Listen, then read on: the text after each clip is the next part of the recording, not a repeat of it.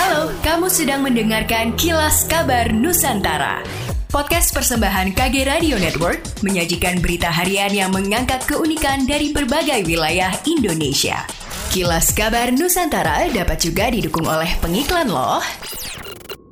Pengen belajar tentang digital marketing, wirausaha, pengembangan diri, dan topik inspiratif lain dari narasumber ahli di bidangnya? Dengarkan podcast Obsesif persembahan KG Media hanya di Spotify.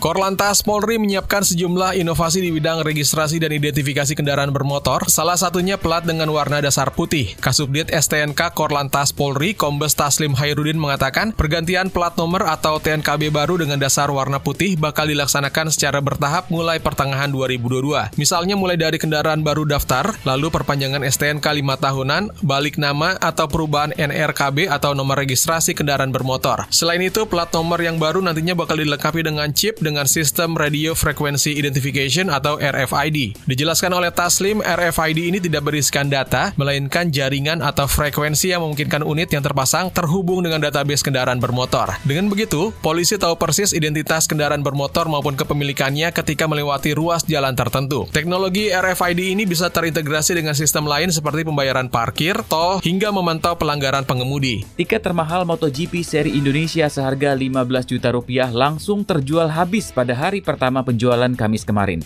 Tiket kategori Premier kelas itu jumlahnya hanya 900 lembar dan berlaku untuk tiga hari balapan akhir pekan 18 hingga 20 Maret 2022.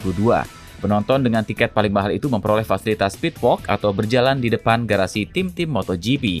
Cahyadi Wanda, wakil CEO Mandalika Grand Prix Association mengatakan, antusiasme pencinta balap untuk menonton MotoGP secara langsung di Pertamina Mandalika International Street Circuit benar-benar luar biasa. Kota Palopo tercatat sebagai salah satu daerah di Sulsel yang terbilang sukses melaksanakan vaksinasi. Dari data Komite Penanganan COVID-19 dan Pemulihan Ekonomi Nasional KPCPEN, cakupan vaksinasi Kota Palopo sudah mencapai 86 persen lebih. Angka tersebut bahkan melebihi target nasional. Tingginya cakupan vaksinasi itu tidak lepas dari peran Wali Kota Palopo, Judas Amir beserta jajarannya. Judas mengaku pihaknya tidak segan mengeluarkan aturan tegas agar warga mau divaksin. Contohnya, Pemda Palopo tidak akan membayarkan iuran BPJS warga yang menolak vaksin. Berkat intervensi itulah Kota Palopo menempati urutan tertinggi untuk tingkat vaksinasi di Sulsel. Hal itu membuat Kota Palopo mendapat mandat dari Kementerian Kesehatan untuk segera melakukan vaksinasi anak usia 6-11